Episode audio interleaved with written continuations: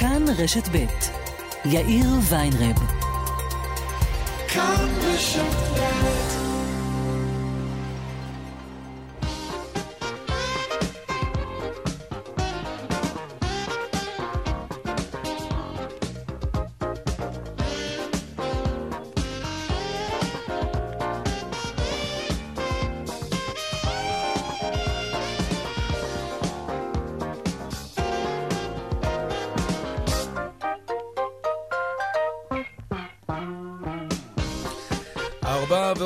ועוד אה, שש דקות, כאן צבע הכסף ברשת ב', יום שלישי, שלום רב לכם, העורך רונן פולק, המפיקה רונית גור אריה.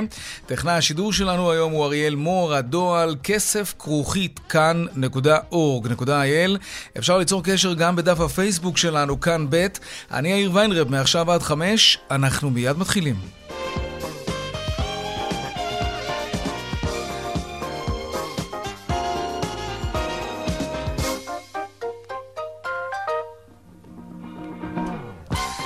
כותרות צבע הכסף ליום שלישי פותחים את המסחר. הפעימה השלישית של היציאה מהסגר תהיה כמתוכנן ביום ראשון הקרוב.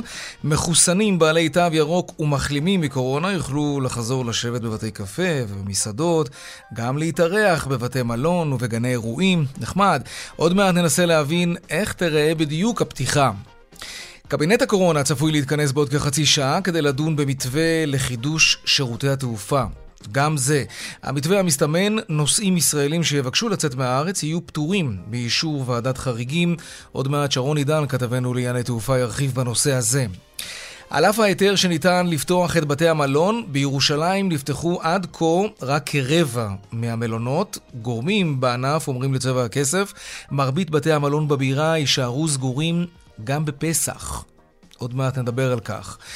במבצע הביקורת הארצי של רשות המיסים נמצא 41% מבתי העסק שנבדקו לא רשמו הכנסות כחוק.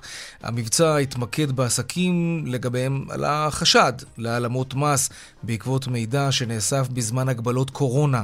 הביקורת בוצעה ב-104 בתי עסק, מהם 43 לא רשמו את ההכנסות שלהם כחוק. כמו כן, במהלך הביקורת נמצאו 18 הפרות של חוק המזומן. גם זה כנראה בגלל קורונה. לא כנראה, בטוח. בעוד בצבע הכסף בהמשך, הדיווח משוקי הכספים כרגיל לקראת סוף השעה, אלה הכותרות, כאן צבע הכסף. אנחנו מיד ממשיכים.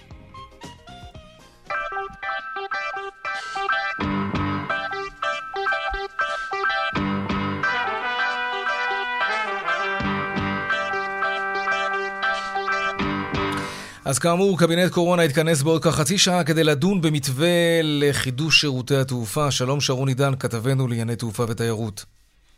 כן, שלום אה, יאיר, הישיבה נדחתה כבר שלוש פעמים, בארבע וחצי היא תתחיל. תשמע, שלושה דברים מעניינים צפויים להיות שם. קודם כל, אה, מה שבוודאות יקרה, זה שהחל בשבוע הבא אנחנו לא נהיה יותר ער עם שני יעדים, פרנקפורט וניו יורק, אלא כעשרה לפחות, אגב בין היתר אה, קייב ופריז וכנראה שגם לונדון עוד יעד בחוף המערבי של ארה"ב, כלומר הרחבה משמעותית של היעדים. ועדת החריגים תפעל רק לטובת אנשים שמעוניינים לצאת מישראל, כלומר כל מי שרוצה להגיע לא יצטרך יותר לעבור את ועדת החריגים, כולל אנשים שרוצים להגיע לבחירות, שמענו כמובן על מקרים הומניטריים רבים, mm, okay. אלא רק אה, ב- באמת בקטע של יציאה החוצה. שים לב, מי שמחוסנים בשתי מנות פלוס שבוע, כלומר מחזיקי תעודת אה, מתחסן, הם לא יצטרכו ועדת חריגים לא בהלוך ולא בחזור. נקודה אחרונה, ילדים מתחת לגיל 16 אה, כן יצטרכו ועדת חריגים, זאת אומרת שאם אתה רוצה לנסוע עם הילדים, אולי אפילו עוד חודש, חודש וחצי, כן, בוא נפנטז, לחופשה שאולי תהיה ביוון, כאן כנראה עדיין יצטרכו, בהנחה כמובן והוועדה לא תפורק, ובכל מקרה תידרש גם בדיקת קורונה שלילית בהלוך ובחזור. אוקיי, okay, ואת רשימת היעדים, איך הרשימה הזאת נקבעת? הרשימה הזאת בעצם עדיין לא נקבעה סופית, ויש פה, הייתי אומר, שני כיוונים. כיוון אחד זה מקום שבו עדיין יש הרבה מאוד ישראלים שתקועים, למשל קייב, למשל מוסקבה, למשל איסטנבול. אה, נקודה אחרת, מקומות שאנחנו יודעים שיש הרבה מאוד קונקשנים מהם, בדוגמת אה, פרנקפורט שכבר ראינו, כמו למשל פריז ולונדון, וכמובן החוף המערבי שכנראה לוס אנג'לס, שגם שם יש לנו אה, משהו כמו סדר גודל של 3,000 ישראלים שרק רוצים להגיע לתורת הבחירות, זה בלי עניינים עסקיים ואחרים, ולכן גם משם למעשה אנחנו נראה פתיחה, זה בנוסף כמובן על ניו יורק ועל פרנקפורט. ועל שאר הדברים שראינו בשבוע, בשבועות האחרונים. אוקיי, okay, לסיום, הצמיד הדיגיטלי, איך זה מתקדם? איך זה עובד? תשמע, אתמול פיילוט אה, ראשון עם 100 נוסעים, היום עוד פעם משהו כזה. צריך לקחת בחשבון, אנשים חושבים שהם בעצם מגיעים לנתב"ג יאיר ויכולים לבחור בין החלופה של הצמיד לבין מלונית, זה לא ככה.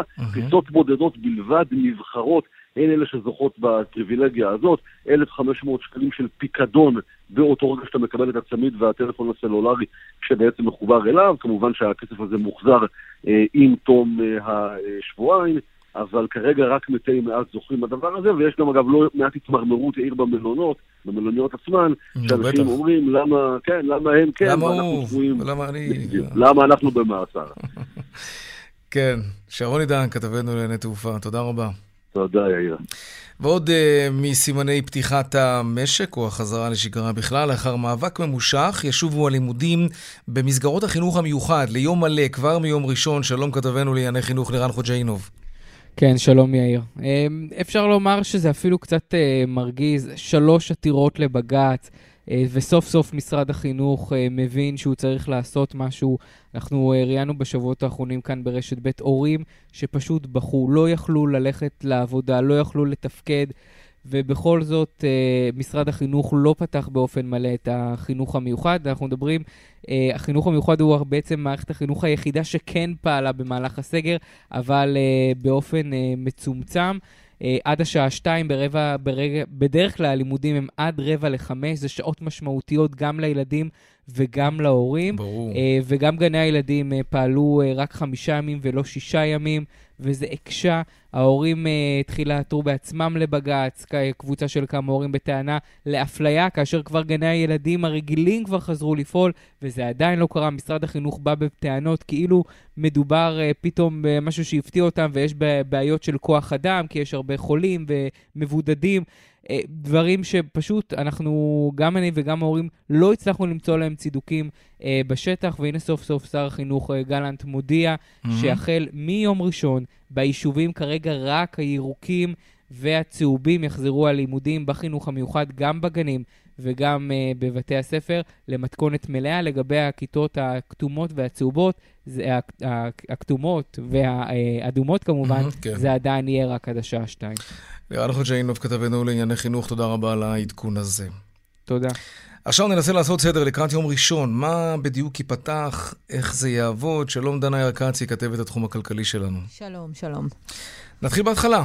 כן. מה ייפתח? אז הפעימה השלישית יוצאת לדרך. החל מיום ראשון, מסעדות ובתי קפה ייפתחו לכלל הציבור לקבלת שירות והגשה באופן מלא. מה זה אומר?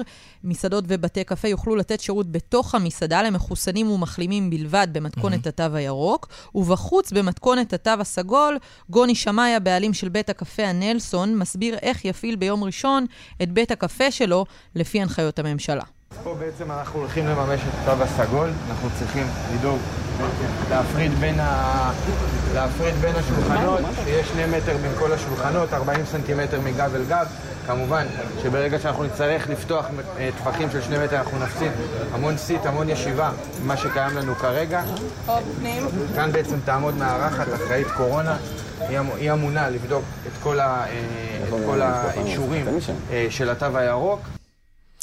דנה, אם מישהו יושב בחוץ, אה, הוא, כלומר, הוא לא, הוא לא מחוסן והוא לא מחלים, אבל הוא רוצה, את יודעת, להיכנס פנימה רגע לשירותים, הוא גם לא יוכל? כלומר, ההפרדה היא ממש מלאה זה... בין שני סוגי הלקוחות האלה? זו שאלה מעניינת שגם אני שאלתי, ובעלי בתי הקפה לא באמת יודעים להתמודד עם ההנחיה הזאת, כי אין, אי אפשר לשלוח את הלקוח שמגיע אה, הביתה לשירותים, או אפילו לבקש משהו מהברמן, וזאת אה, הנחיה שאי אפשר ליישם אותה, ולכן הם אומרים, ניתן ללקוחות להיכנס אה, לשירותים, לא ניתן להם אה, לשבת בתוך המסעדה, אם הם לא יתחסנו. בכל כן. זאת, אנחנו רק מיישמים את הנחיות אה, הממשלה. הממשלה לא נותנת אה, הסבר או הוראות מסוימות איך להתמודד עם בעיה שכזאת. Okay. אוקיי. אנחנו אלה שמתווכים בין אה, הלקוחות לממשלה, וגם אנחנו נמצאים בבעיה. Mm-hmm. מה אז, לגבי, אגב, אה, אז, תפוסה? כלומר, נכון, אז, בפנים, בחוץ? אז יפה, לא, לגבי מסעדות אין עניין של תפוסה,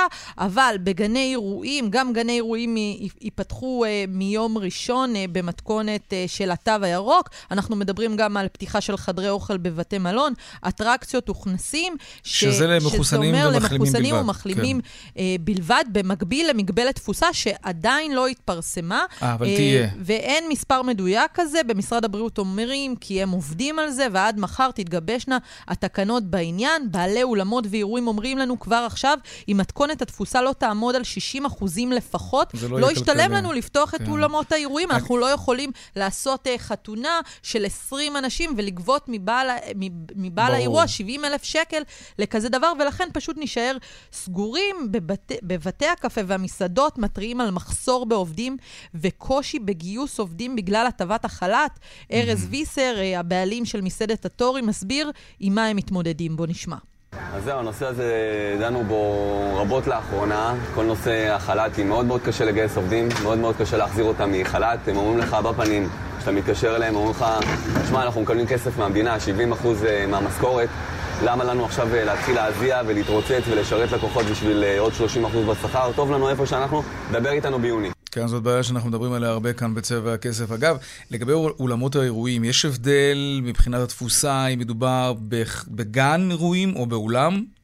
אה, עדיין לא התפרסם, התפרסמה מגבלת תפוסה, אבל אם כולם נכנסים וכולם מחוסנים, לא צריך להיות אה, שום הבדל, ולעניין הזה התקנות אה, לא מתייחסות, אז בעלי העסקים מתמודדים גם עם אה, הסברים שהם לא בהירים, עם הנחיות שהן לא מובנות, שסותרות הרבה פעמים, כמו בעניין הלקוח שנכנס לשירותים בבית הקפה או במסעדה, וגם נותנים ל- לבעל עסק להתכונן לפתיחה לקראת יום ראשון, ולא נותנים הנחיות מלאות, בזמן שהם נאלצים לקבל הסברים מהתקשורת או ב...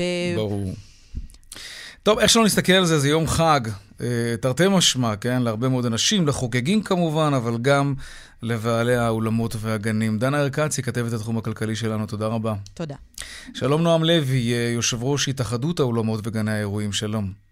שלום, מה נשמע? בסדר גמור, אתם באמת לא יודעים עדיין איך זה יעבוד מבחינת התפוסה, כמה מותר להכניס?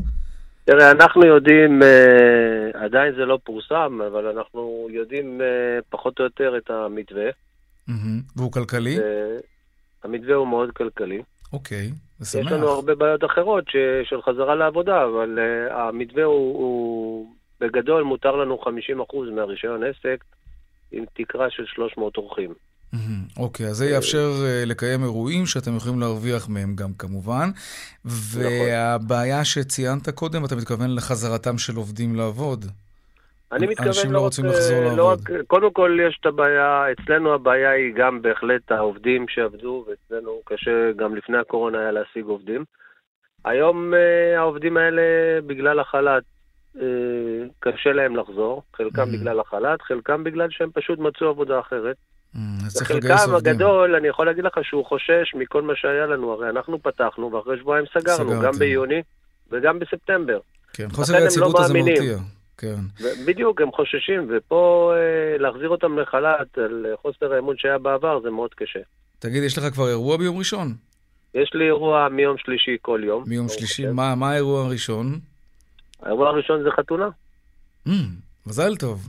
אתה יודע, יש לנו הרבה חתונות. אני יכול להגיד לך שמי שעברנו מאתמול אה, ובמשך השבועיים האחרונים זה פשוט לחץ עצום. האנשים של שבוע הבא שעושים אירועים לא ידעו אם האירוע יתקיים Mhm. או לא יתקיים, כמה מותר להזמין. עד עכשיו יש לנו המון שאלות לגבי בדיקות מהירות וכאלה. אבל uh, באופן יחסי, אני רציתי רק להגיד שהבעיות אצלנו הם לא רק להשיג את העובדים, אצלנו לפתוח את האולם עולה המון המון כסף, אחרי שהשנה שלמה המקום סגור. להחזיר את כל המערכות העצומות של חדרי הקירור, מזגנים ו- וכל התשתיות שלנו לעבודה זה המון כסף. יחד עם זה, אתה יודע שאין לנו אשראי ספקים, ואנחנו קונים במאות אלפי שקלים בחודש. והרבה אולמות מתקשים לחזור, ואנחנו חושבים ש... והגשנו גם בקשה לסיוע בנושא הזה, לסיוע מהממשלה, בעצם מענק חזרה לעבודה. וזה מאוד מאוד. מאוד... כן. זה לא עובד כי יש את המערכת הפוליטית עם בני גנץ וכלכלת בחירות וכל הדברים, אבל אצלנו זה באמת קושי מאוד מאוד גדול, אה, בגלל שאין אשראי, בנקים לא מא- מאמינים באולמות. ולכן זה מאוד קריטי, וזה עצוב לראות אנשים שמותר להם לפתוח, אבל מאוד מאוד קשה להם לפתוח. מהמם. לכן אנחנו באמת פונים אה, ומבקשים סיוע מהממשלה, להחריג אותנו מכל השיקולים הפוליטיים, כי אנחנו באמת בקשיים, ולא. יכולים כן. להמתין עד אחרי הבחירות. תגיד, אה, כמה, אתה יושב ראש ההתאחדות, אה, נכון. כמה אולמות וגני אירועים אתה מייצג? אנחנו מייצגים כ-700 אולמות וגני אירועים. מה מצבם? כמה ייפתחו ביום ראשון? יש כאלה שכבר... זהו? אנחנו נפתח אה, בלי קשר ב- ביחס של פחות או יותר 70% יפתחו, אוקיי. אה, ויש לנו אה, ממש 10% שכבר לא ימשיכו איתנו. עשרה אחוז שלא, שקרסו כבר כלכלית. שקרסו, ואנחנו מתפללים ו- ופשוט משוועים לסיוע הזה, כי אנחנו יודעים שאחרי שנפתח ועוד פעם יחזרו המשכורות והארנונה ושכר הדירה והכל יהיה במלואו, יהיה להם גם מאוד קשה לשרוד.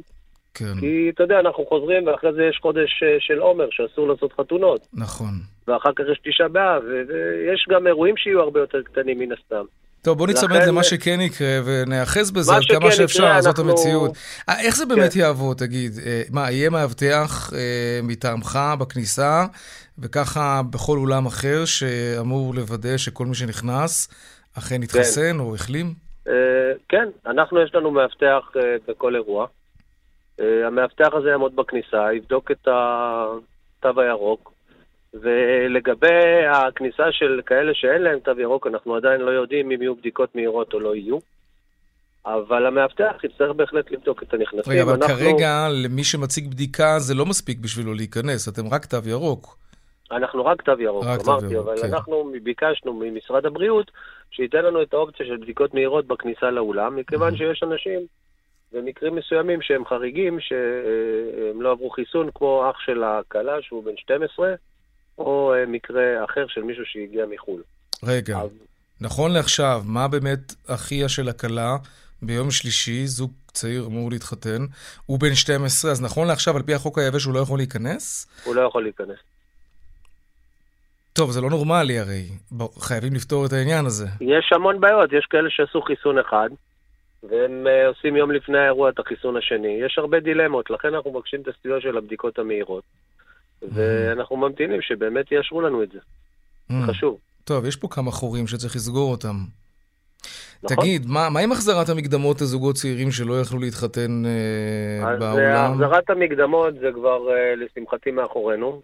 אה, הבעיה צומצמה ל- לרמה של 10% ממה שהייתה בהתחלה. כן, רוב המקרים ו- כבר הגיעו להסכמה וכספים חזרו, הגיעו... הרבה מקרים הגיעו להסכמה, חלק מהבעלי אולמות שהיה קשה לשלם להם במזומן, אז הגיעו לאיזושהי פריסת תשלומים עם בעלי האירועים, והייתה איזושהי הבנה גם. וחלקם גם ביצעו את האירועים, חלק לא מבוטל, מבצעים את האירועים בחודש מרץ. אוקיי. אז אז- אנחנו ככה...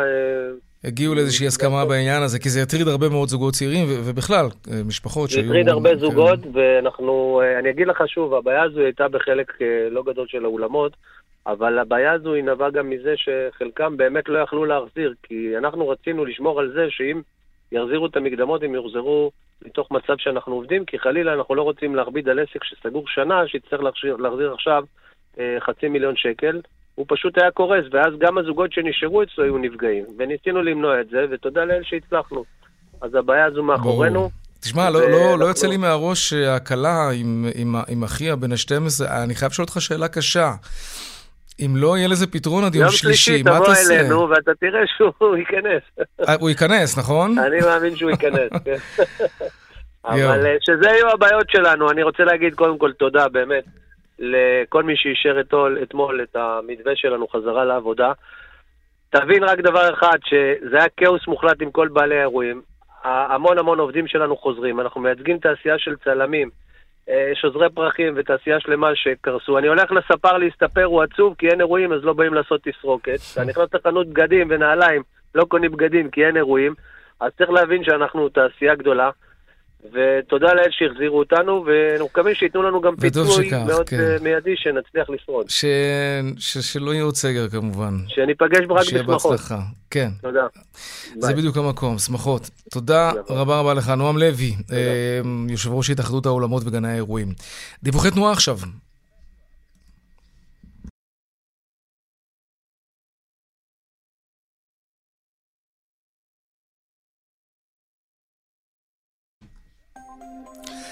באיילון אה, לכיוון צפון יש עומס ממחלף חולון וקיבוץ גלויות עד מחלף השלום ולכיוון דרום ממחלף רוקח עד לגוארדיה.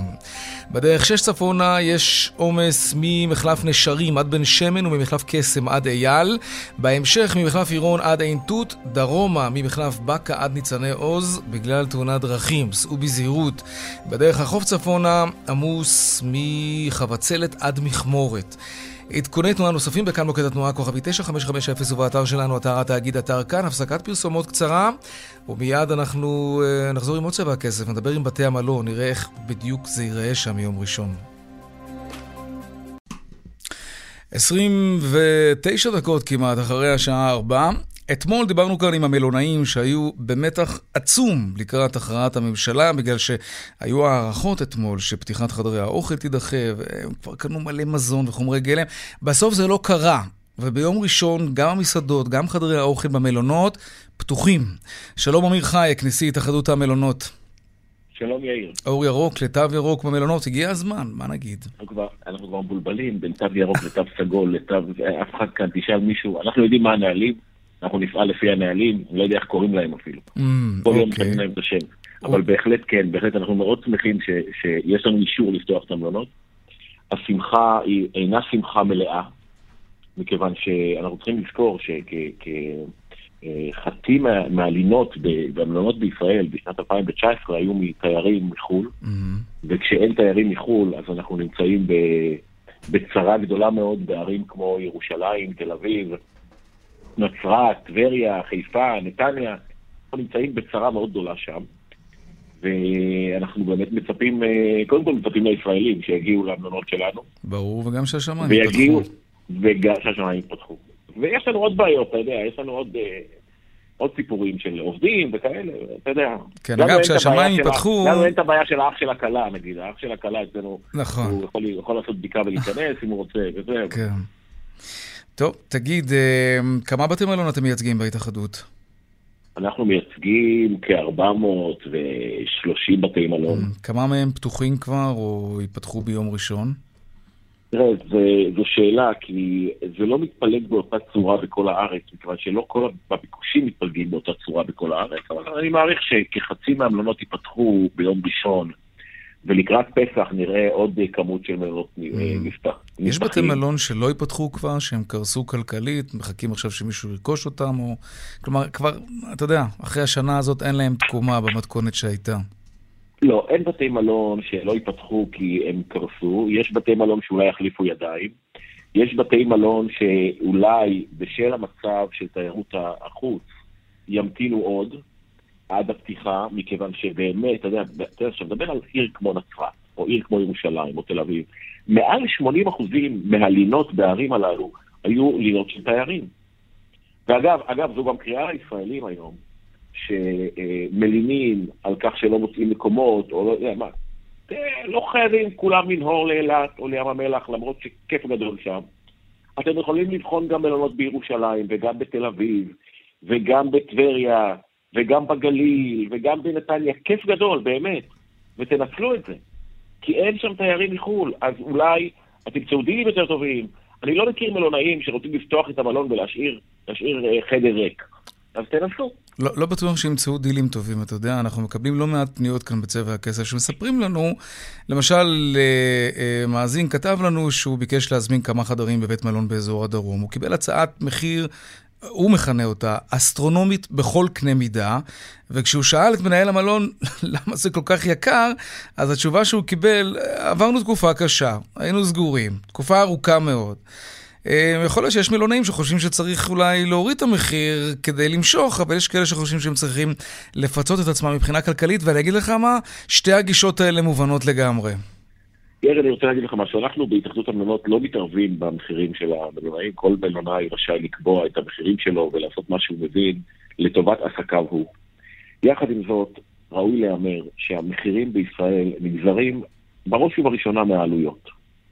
וכשהעלויות במדינה שלנו הן בלתי נסבלות, אם זה עלות כוח האדם, וזו עובדה, ועל זה אני לא מלין, אני חושב שעובדים צריכים לקבל שכר ראוי, אבל עלות כוח האדם ועלות הארנונה, שהיא למשל, בוא נשווה אותה לגרמניה, היא מחיר כפול מגרמניה בישראל, ועלות החשמל והמים, ש...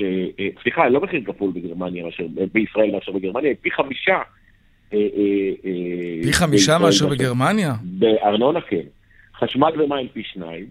בסופו של דבר, מזון ומשקאות יותר יקרים. בסופו של דבר, אתה מגיע למצב שהעלות שלך היא עלות גבוהה, וזה נכון, ואנחנו, אתה יודע, אני אומר, אני מדבר עם המון מלונאים, באמת אף אחד מהם לא מרגיש נוח עם מחיר גבוה שהוא צריך, שנגזר מה, מהעלויות שלו. ובסופו של דבר יש עוד אלמנט, וצריך לזכור, אם מישהו הלך להזמין מלון באזור ביקוש בערב פסח, אז המחירים, אתה יודע, כשיש ביקוש גבוה... כשיש ביקוש המחיר עולה. תראה, זה לא נכון. משנה אגב אם זה נובע מאיזושהי גרידיות של uh, מנהלי בתי המלון, או בגלל הסיבה שאתה ציינת, שהעלויות בארץ, מכוח העבודה דרך חומרי הגלם. זה לא כל כך משנה, השמיים עוד מעט ייפתחו, יש יעדים חדשים, כמו האמירויות. בתי המלון בארץ יצטרכו להתמודד עם תחרות קשה מאוד, יוון, קפריסין כבר קודם, אירופה, מזרח אירופה. תראה, ואנשים רוצים לטוס, כן? יכול מאוד להיות שזה יפגע בכם כלכלית, המחירים הגבוהים האלה. בתי המלון בארץ אה, אה, רגילים, זה ענף, זה ענף מאוד מאוד תחרותי. אני אספר לך, אתה יודע, כשהייתי ב... ב אני יודע שרוב חיי ביליתי בתעשייה, בכלל, לא במלונות. וכשאתה יושב בישיבה, נניח, בגוף אה, של תעשיינים, אז יושב ויצרן משקאות, ויצרן מוצרי מתכת, ויצרן אה, מוצרי נגרות, ויצרן מוצרי אלקטרוניקה. הם יושבים בישיבה, הם מקבלים החלטות, ונפרדים כל אחד והולכים לדרכו. אצל המלונאים, הם יושבים בישיבה, נגמרת הישיבה, אתה יכול למצוא, אתה יכול למצוא מלחמת עולם דקה אחרי הישיבה, כי כל אחד נלחם על הלקוח. ובסופו של דבר אנחנו רגילים לחיות בעולם של תחרות. ובעולם של תחרות, גם מהארץ וגם מחו"ל, אגב, זה שיש אתרים אה, אה, נוספים, אנחנו לא בעד לסגור את השמיים, אנחנו מאוד רוצים ומחכים שהשמיים ייפתחו, אנחנו נדע להביא לפה תיירים ולמשוך אותם, המדינה שלנו מספיק אטרקטיבית, ו- ואנחנו לא חוששים מתחרות. יש, ישנם דברים מובנים במחירים, בעלויות, שאין לנו מה לעשות איתם. הם, אתה יודע מה? 80% מהם הם בידיה של ממשלת ישראל, ש, שפשוט אה, גובה אה, סכומי עתק על השירותים שהיא, שהיא מספקת. יש יוקר מחיה ליאיר ויינרב, ויש יוקר מחיה לעסקים בישראל. צריכים לדבר על זה, צריכים לדון בזה, וצריכים לטפל בזה, זה נכון. שווה להעמיק בנושא הזה, כן. כן, בהחלט. בהזדמנות. אה, אמיר חייק, נשיא התאחדות המלונות בישראל, תודה רבה לך על השיחה הזאת ובהצלחה, כמובן. תודה רבה. תודה. שלום רונן פולק. שלום רב. בוא נדבר על המצב בירושלים. אתה משוחח עם גורמים בענף התיירות בבירה, מה אתה שומע? שמענו את uh, אמיר חי כרגע, מזמין את האנשים להגיע לירושלים. אז בוא אני אגלה לך שעל אף ההיתר לפתיחת בתי המלון בשבוע שעבר, נפתחו עד כה רק כ-25 מתוך 90 בתי המלון בבירה. אה, ירושלים, נזכיר, מי שהובילה עד לפני שנה בערך את התפוסות בבתי המלון, היא מתקשה מאוד להתאושש. ומרבית בתי המלון בעיר לא מתכוונים לפתוח, גם לא לקראת חג הפסח. אני משוחח עם גורמים בענף המלונאות בעיר, והם אומרים לנו שבקרב אה, אה, המלונאים שם קיימת אי-ודאות רבה, גם חששות רבים מסגירה שתיכפה עליהם אולי רגע לפני פסח, בדיוק כפי שהיה, אתה זוכר מתי? בשנה שעברה, גם אז, רגע לפני הפסח, בשל העלייה בתחלואה, אה, ההנחיה שהתקבלה היא לסגור, והרבה מאוד סחורה נזרקה לפח, וזה היה ברגע האחרון. אז זה העובדה, אז מהסיבה הזאת רבים מהם לא יפתחו. והתאחדות המלונות בעיר אומרים לנו שירושלים היא עיר המבוססת בעיקר על תיירות נכנסת. להערכתם לא יגיעו תיירים לארץ לפחות עד חודש אה, מרס. בשנה הבאה. זאת ועוד, הם אומרים וואו. דברים שאתה שומע גם כן מפי אה, הרבה מאוד אנשים שאתה משוחח איתם אה, כאן, שישנה בעיה קשה עם מודל החל"ת. אין שום עובד, הם אומרים, שיסכים לחזור לעבוד לתקופת פסח בלבד, ואחר כך לצאת שוב לחל"ת. כן, גם כשיש להם רשת כזאת עד חודש יוני, אז uh, שמענו קודם. למה, למה לצאת מהבית בשביל עוד 20-30 אחוז בשכר? טוב, בסדר, נגיד. תחזור שוב על היחס, כמה בתי מלון בירושלים וכמה פתוחים וייפתחו? 25 בתי מלון נפתחו, ומתוך 90 בתי המלון בבירה, אה, גם לקראת חג הפסח לא ייפתחו עוד בתי מלון ככל הנראה, ממה שאנחנו יודעים לפחות. שלום אילנית מלכיאור, הממונה על התיירות ברשות לפיתוח ירושלים. אה, שלום לכם. זה יחס מדאיג מאוד. אה, אז קצת אני אדייק, ועדיין אין ספק שיש עוד הרבה מה לעשות, ותכף אני אגיד גם מה... אנחנו עושים בעיר כדי לשנות את המצב. אז באמת שבוע שעבר זה היה הנתון, אני יכולה להגיד לכם שנכון לעכשיו כבר 36 בתי מלון עומדים להיפתח. היה שבוע שהפער הוא גם נובע שזה כמעט כפול במספר ממה שאתם דיברתם עליו, מהעובדה שעכשיו יודעים בוודאות שהחל מיום ראשון מלונות יוכלו להיפתח, כולל עם השירותים הציבוריים. כן. שזה דבר מאוד משמעותי לאנשים, בטח כשהם מגיעים ומשלמים מחיר... אז אנחנו מתקרבים ל-50% מבתי המלון. לא, לא, אנחנו עדיין מדברים על בערך נכון, שליש מבתי נכון. המלון. כרגע אנחנו יודעים על 25, יכול להיות שאת אומרת ייפתחו עוד כמה, עוד לא, עשרה אולי. היא אומרת 36. לא, יפתחו 36, אני אגיד לך למה, כי אנחנו גם הולכים לעשות מבצע מאוד גדול לקראת הפתיחה של המלונות. יש עוד כמה פרויקטים שכבר התחלנו לעשות, תכף אני אדבר עליהם. אבל עדיין מדובר ב-50% מהמלונות סגורים. והיצע? תקשיב, היא עיר שמדינת ישראל, שכל עוד לא ברורה המדיניות מבחינת כניסות של תיירים מחו"ל. זה ברור, אבל למה אין ביקוש לתיירות פנים בעיר הבירה לא, שלנו? בסוף, שנייה, בסוף צריך uh, להגיד שהמדינה, היו כאן כל מיני החלטות, אחד העלים הירוקים באילת, אחר כך העלים הירוקים בים המלח, ירושלים דרך אגב ביקשה להיכנס לנושא הזה בפיילוט, גם את זה לא התירו לנו, אז בסוף אנחנו מתנהלים למול מדינה, אבל אנחנו לא בוחרים על מה שאין, אנחנו מסתכלים קדימה על מה שאפשר. כבר שבוע שעבר עלינו בפרויקט מדהים שנקרא בעקבות האור, וקיבלנו למעלה מ-50 אלף אנשים, פרויקט של הערה של 24 אתרי תיירות בעיר, אנשים הגיעו מכוניות לפי תו סגול ועשו את זה, מסעדות נהנו מזה וכן הלאה וכן הלאה.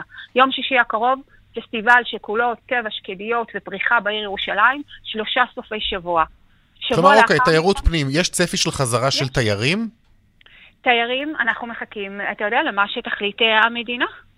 בסופו של דבר אני יכולה להגיד לך שמבחינת הביקושים, העולם רק מחכה לחזור לירושלים. יש לנו פניות ממדינות, מגרמניה, מסין, רק אתמול עשיתי mm-hmm. זום עם סוכני תיירות מסין שרוצים להביא לכאן כנסים כבר. כי יש משהו מאוד טוב זה מעניין מה שאת אומרת. הסינים כן. מתעניינים להגיע לארץ כדי לקיים כאן כנסים. כן, באיזה כן. נוס... באילו נושאים אגב? תיירות? או... בתחומים לא, תחומים של טכנולוגיה, אני מזכירה שירושלים מאוד חזקה בתחומים של טכנולוגיה, מדעי החיים, רפואה. הנושא של החיסון, יש כאן הרבה מאוד, אנחנו מציעים בדרך כלל גם חבילות שקשורות לנושא של תוכן ולא רק ללוקיישן מצוין, וזה עובד טוב. הגרמנים מחכים לחזור לכאן, הצרפתים, הרוסים, יש פה מזג האוויר מצוין, יש פה אה, אוכל מעולה, יש מה להציע, לא רק, אה, גם לירושלים וכמובן גם למדינת ישראל. אנשים טוב. רוצים לבוא ו... דרך אגב, התפרסם מאמר שבוע שעבר באחד ממגזינים של התיירות המובילים בעולם, mm-hmm. שבא ואמר, ירושלים תהיה אחד מהיעדים הראשונים לחזור. יש מקומות בעולם, כמו איטליה, כמו ברצלונה, כמו כל מיני אחרים, שעדיין, בכל מיני אה, סיבות כאלה ואחרות, שלא ניכנס אליהם כרגע מפאת הזמן הקצר. לא, אפשר אה, להסתכל למה אנחנו כן, אנחנו מדינה, אוטוטו כן, מדינה מחוסנת. גם בגלל התדמית של החיסון, כן. וגם בגלל העניין שבסופו של דבר ירושלים אתה אמרת את זה בתחילת הריאיון, הייתה בעצם בפיק תיירות מטורף, והיא תחזור לשם, ואני חושבת שלהגיד שבמרץ שנה הבאה יחזרו לכאן תיירות הנכנסת, אני לא מקבלת את הדבר הזה. את חושבת לפני. חושבת שלפני תתחיל להגיע לכאן גם תיירות יהודית לקראת החגים, okay. ולאחר מכן, כי הביקושים הם מאוד גדולים, וכמובן הכל תלוי בהסכמים מדדיים בין מדינת ישראל לבין מדינות אחרות. זה נכון. אילנית מלכיאור, הממונה על התיירות ברשות לפיתוח ירושלים. ואני מזמינה את כולכם לפרויקט נושמים אביב ירושלמי, סוף השבוע הקרוב, שלושה סופי שבוע. אוויר הרים צלול כיין. תודה רבה. בכיף, ביי. להתראות. דיווחי תנועה עכשיו.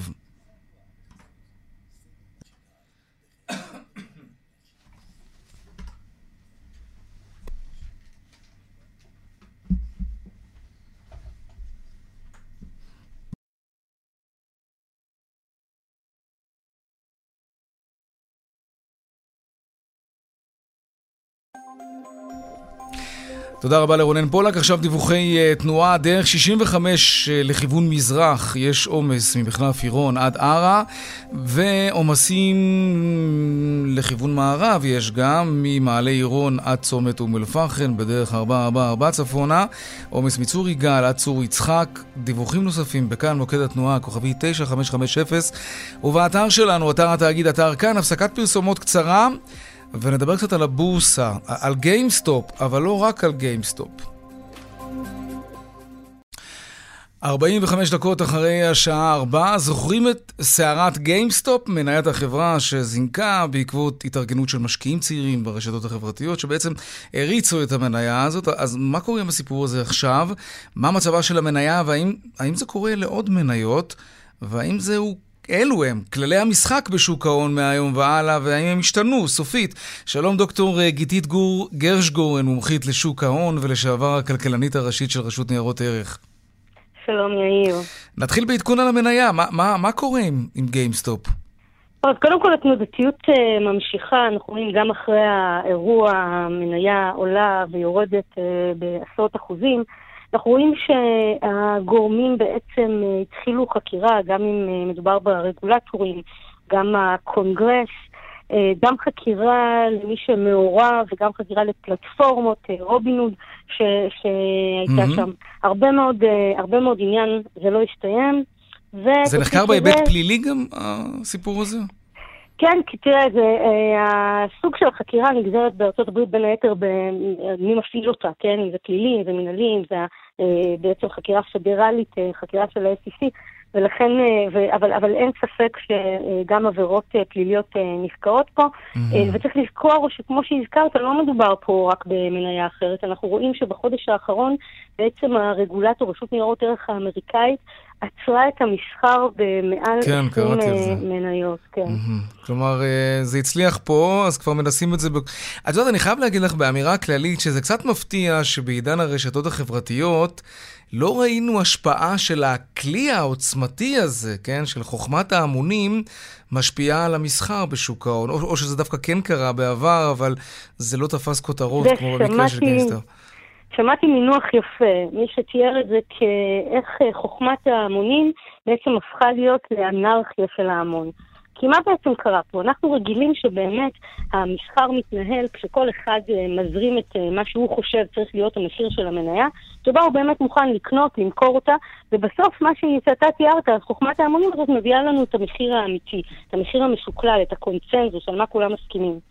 נכון. אבל התנאי הבסיסי לזה, זה שאותם המונים, אותם אה, יחידים, לא מתאמים באחד נכון. עם השני. כי אחרת זה יוצא ו... איזשהו כשל בתמחור של המוצר הזה. בדיוק, זה הופך להיות כבר תנועה מתואמת, וש, שמזיזה ה, בצורה מלאכותית את המחיר. עכשיו, הרגולטורים רגילים שיכול להיות גוף בנקודות זמן מסוימות, גופים גדולים כאלה ואחרים, והם יודעים לטפל בהם, ויש עליהם, יש עליהם אה, כמובן גם חובות מיוחדות, ועושים עליהם גם ניטור אה, הרבה יותר. אבל כשמדובר נכון, זה, זה ניטור דיגיטלי, מותנים, נכון? יש, יש למשל לרשויות שעוסקות בשוק ההון, אה, יש להם מין אלגוריתם כזה, שהוא יודע לזהות איזושהי קפיצה לא נורמלית בערך של איזשהו מוצר פיננסי מסוים, מניה או משהו נכון. אחר. נכון. נכון, mm. וכמובן שככל שהטכנולוגיה מתקדמת, אז uh, הרשויות uh, מאמצות uh, עוד ועוד עד בינה מלאכותית, שכבר מאפשרת באמת לעקוב אחרי דפוסים בין כאלה שאתה כבר מכיר ובין כאלה ש, mm. שהמערכת מעלה כמה שיכול ליצור בסוף מניפולציות, משחקים משחקים בנייר. ברור. תגידי, גיתית, זה, זה לא קצת מפחיד שהחסכונות שלנו, הפנסיה, קופות הגמל, ביטוחי המנהלים, כל המוצרים הפנסיוניים שלנו בעצם נמצאים בשוק ההון. ואם אה, שוק ההון לא יודע לבלום השפעות כאלה של פוסטים וציוצים ויוזמות כאלה, זה, זה עלול לסכן את הכסף שלנו בסופו של דבר, לא? תראה, אנחנו, כשהכסף שלנו בשוק ההון, אנחנו רגילים שיש איזושהי מידה של סיכון, כל אחד גם לפי טעמיו האישיים, אבל אנחנו רגילים לסיכוני שוק. אבל עם כללי משחק ברורים, פה זה נכון, משהו... נכון, אנחנו רגילים לאותם סיכוני שוק, כן? החברה תצליח, מה יהיו הביקושים, אנחנו גם יודעים לנטר, ופה מדובר סוג של מתקפה של מדיה חברתית, שהשיקולים שלה הם לפעמים אה, רווח אה, אישי של מי שהחליט לארגן את זה, mm-hmm. ולפעמים זה יכול להיות, כמו שטענו פה, שזה סוג של אידיאולוגיה, כן? המילניום, דור המילניום החדש תוקף את, ה, את הכלכלה או הפיננסיירים המסורתיים של, כן. בדיוק, של קרנות ההון, ופתאום הכסף שלנו נמצא שם באמצע. פה באמת התפקיד הוא כן. של הרגולטור לוודא שבאותם, אתה אמרת, כללי המשחק השתנו, צריך להבין את כללי המשחק, צריך ל, ל, לא רק בניטור בפועל, אלא גם בלחשוב קדימה. אנחנו רואים שכבר מתחילות אה, חשיבות כאלה, אנחנו רואים שהאמריקאים עכשיו הוציאו את הרפורמה שלהם לגבי אותן מכירות בחסר, שזה היה חלק מהקטליזטור, רפורמה שהם הכינו אותה עוד ב-2008, כשראינו מה המכירות בחסר האלה עשו ואיך הם תרמו למשבר הפיננסי העולמי, אז עכשיו הם מנערים את הרפורמה הזאת ורוצים אה, להוציא אותה כדי לשכלל את השוק, אבל זה לא יספיק, צריך פה מחשבה אה, עמוקה כדי שבאמת אה, שוק ההון ימלא את המטרה שלו. חד וחלק. דוקטור אה, גיתית גור גרשגורן, מומחית לשוק ההון ולשעבר הכלכלנית הראשית של הרשות, הרשות לניירות ערך, תודה רבה לך על השיחה הזאת. בשמחה. להתראות. טוב, אה, אפליקציית המוזיקה הפופולרית ספוטיפיי אומרת שבקרוב היא תוכל לשלוט במצב הרוח שלנו. כן, טוב, זאת לא כל כך חוכמה, כי מוזיקה באמת משפיעה על מצב רוח, אבל לא, ספוטיפיי אומרת שהיא תוכל לזהות את המצב רוח שלנו מבלי שאנחנו נאזין עכשיו לשירים באמצעותה, כי אם היינו שומעים שירים עצובים, אז היא כמובן הייתה יודעת שאנחנו עצובים, לצורך העניין, או רומנטיים וכולי. היא, תזהה את מצב הרוח שלנו לפני, והיא תציע לנו שירים. ש- שירימו אותנו אם אנחנו מצוברחים, סתם, בתור דוגמה. שלום גיא מיד, מומחה לחדשנות ומנכ"ל אינסוף. שלום יאיר. Uh, הבנתי אבל לא הבנתי, מה, מה הם בעצם אומרים? איך הם ידעו אם אני שמח, עצוב, חמוץ או מריר? מה? מה? אז דבר ראשון מדובר על פטנט, כלומר החברה השקיעה בזה הרבה מאוד כסף להגיד זה שלי, אה, ומה שהיא עושה, היא עושה את זה בשני מקומות. אחד היא, אה, על בסיס הנתונים שאתה מזין לאפליקציה, אה, מין וגיל, היא מחשבת אותם, פלוס כל הדברים שקשורים להקשבה אליך בתוך כדי שיחה. כלומר, אתה בעצם תדבר, או תשמע אותך, גם אם לא תגיד בצורה ישירה לאפליקציה, ועל פי ניתוח הקול שלך, היא תוכל לזהות האם אתה בלחץ, האם אתה רגוע, האם אתה עצבני, ואז אה, אה, לזהות טוב יותר את ה... רגע, איך, איך בדיוק האפליקציה תיחשף לקול שלי? כלומר, אני mm. מדבר עם חבר שלי שיושב לידי, אם אני מדבר עם רונן כן. במהלך היום בעבודה כאן, אז, אז הטלפון לידי, ומה? אז, אז זה בעצם אחד מהדברים שכנראה הם, הם לא שמו אותם בפרונט, אבל כן. ספוטיפיי וגם אפליקציות נוספות אה, מקשיבות לך. אה, אנחנו יודעים שגוגל ופייסבוק, כל זה, הרי יש כל הזמן הם לא מודים בזה, הם לא מודים, הם לא, לא מודים בזה. עד היום הם לא מודים בזה. כן, אבל הידע, אנחנו יודעים, בעולם המוזיקה זה די מקובל. כלומר, למשל, אתה מכיר בטח את שזאם, האפליקציה שמזהה מוזיקה. נכון. באופן עקרוני, יכולת אה, שז"מיות אה, מוטמעות בהרבה מאוד אפליקציות אחרות גם, mm-hmm. אבל אתה יודע, הן לא מקשיבות רק למוזיקה, והן לא רק עובדות רק by demand, אלא גם באופן כללי. אז ספוטיפיי בעצם דרך הפטנט הזה חושפת שהיא מקשיבה למשתמשים שלה. אתה יודע, אם הייתה קופצת לי הודעה כזאת שבה אני אשאל אה, אם אני מאשר לאפליקציה הזאת או כל אפליקציה אחרת, לנתח את המצב רוח שלי באמצעות הקול שלי, לא בטוח שהייתי מאשר את זה. נכון. זה מרגיש לא לעניין כל כך. אני, אה, נכון, וזו הסיבה שבדרך כלל כל הדברים המעניינים האלה מתחבאים בסעיף אה, שכולנו אה, לוחצים אליו בלי לשים לב, תנאי שימוש. בתוך תנאי השימוש בעצם אתה אה, נותן את אה, כל הנכסים האישיים שלך לענק טכנולוגיה לך תקרא את מגילת העצמאות הזאת, זה, זה לא, לא נורמלי, אף אחד לא קורא את זה. אף אחד לא קורא את זה, זה השקר השני הכי ידוע באינטרנט אה, אחרי אני איני הנהג בווייז. כן. אה, ואחד הדברים המעניינים, אומרים, אוקיי, בוא נגיד שבעולם של ספוטיפיי, הכוונה היא מאוד, אה, היא מאוד, אה, נקרא לזה חברתית ונעימה, להציע לך מוזיקה שתעזור לך, אה, להיות, כאילו, תתאים לך באופן אישי, אבל מה יקרה אם גורם שלישי, שאתה לא יודע מי הוא, ייכנס לתוך המאגרים האלה של ספוטיפיי, או, או יתפוס יכולות על ספוטיפיי, ובעצם ינהל לך סוג של הנדסת תודעה. יעשה לי טארגט כזה, כן. נכון, עכשיו תחשוב שמישהו שהוא לא... כן, הוא למשל נמצא במצב... מצב רוח שאפשר, כדאי להציע לו עכשיו איזושהי עסקה כזאת, הוא ייפול בפח. נכון. זה מרגיש לנו שהוא נ, עכשיו נכון, במצב עכשיו זה מאוד בעייתי. ספציפי. כן. מאוד ספציפי. עכשיו תחשוב למשל על ספוטיפיי uh, שיש לה כמה מאות מיליוני uh, לקוחות, ואם גוף מאוד חזק, מדינה לא ידידותית, רוצה להשתלט על קהל בארץ מסוימת, היא יכולה בעצם לפרוץ לספוטיפיי. כן. ולבצע הנדסת תודעה מאוד עמוקה. טוב, הרסנו, גיא, הצלחנו להרוס את הדבר המופלא הזה. אה, מי לא רוצה שירימו לו את המצב רוח? כן, גיא מיד. כן, טוב, זמננו תם.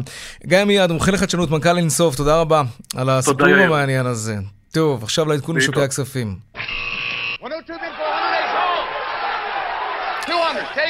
שלום אייל ראובן, מנכ"ל ובעלים של ארנינגס השקעות.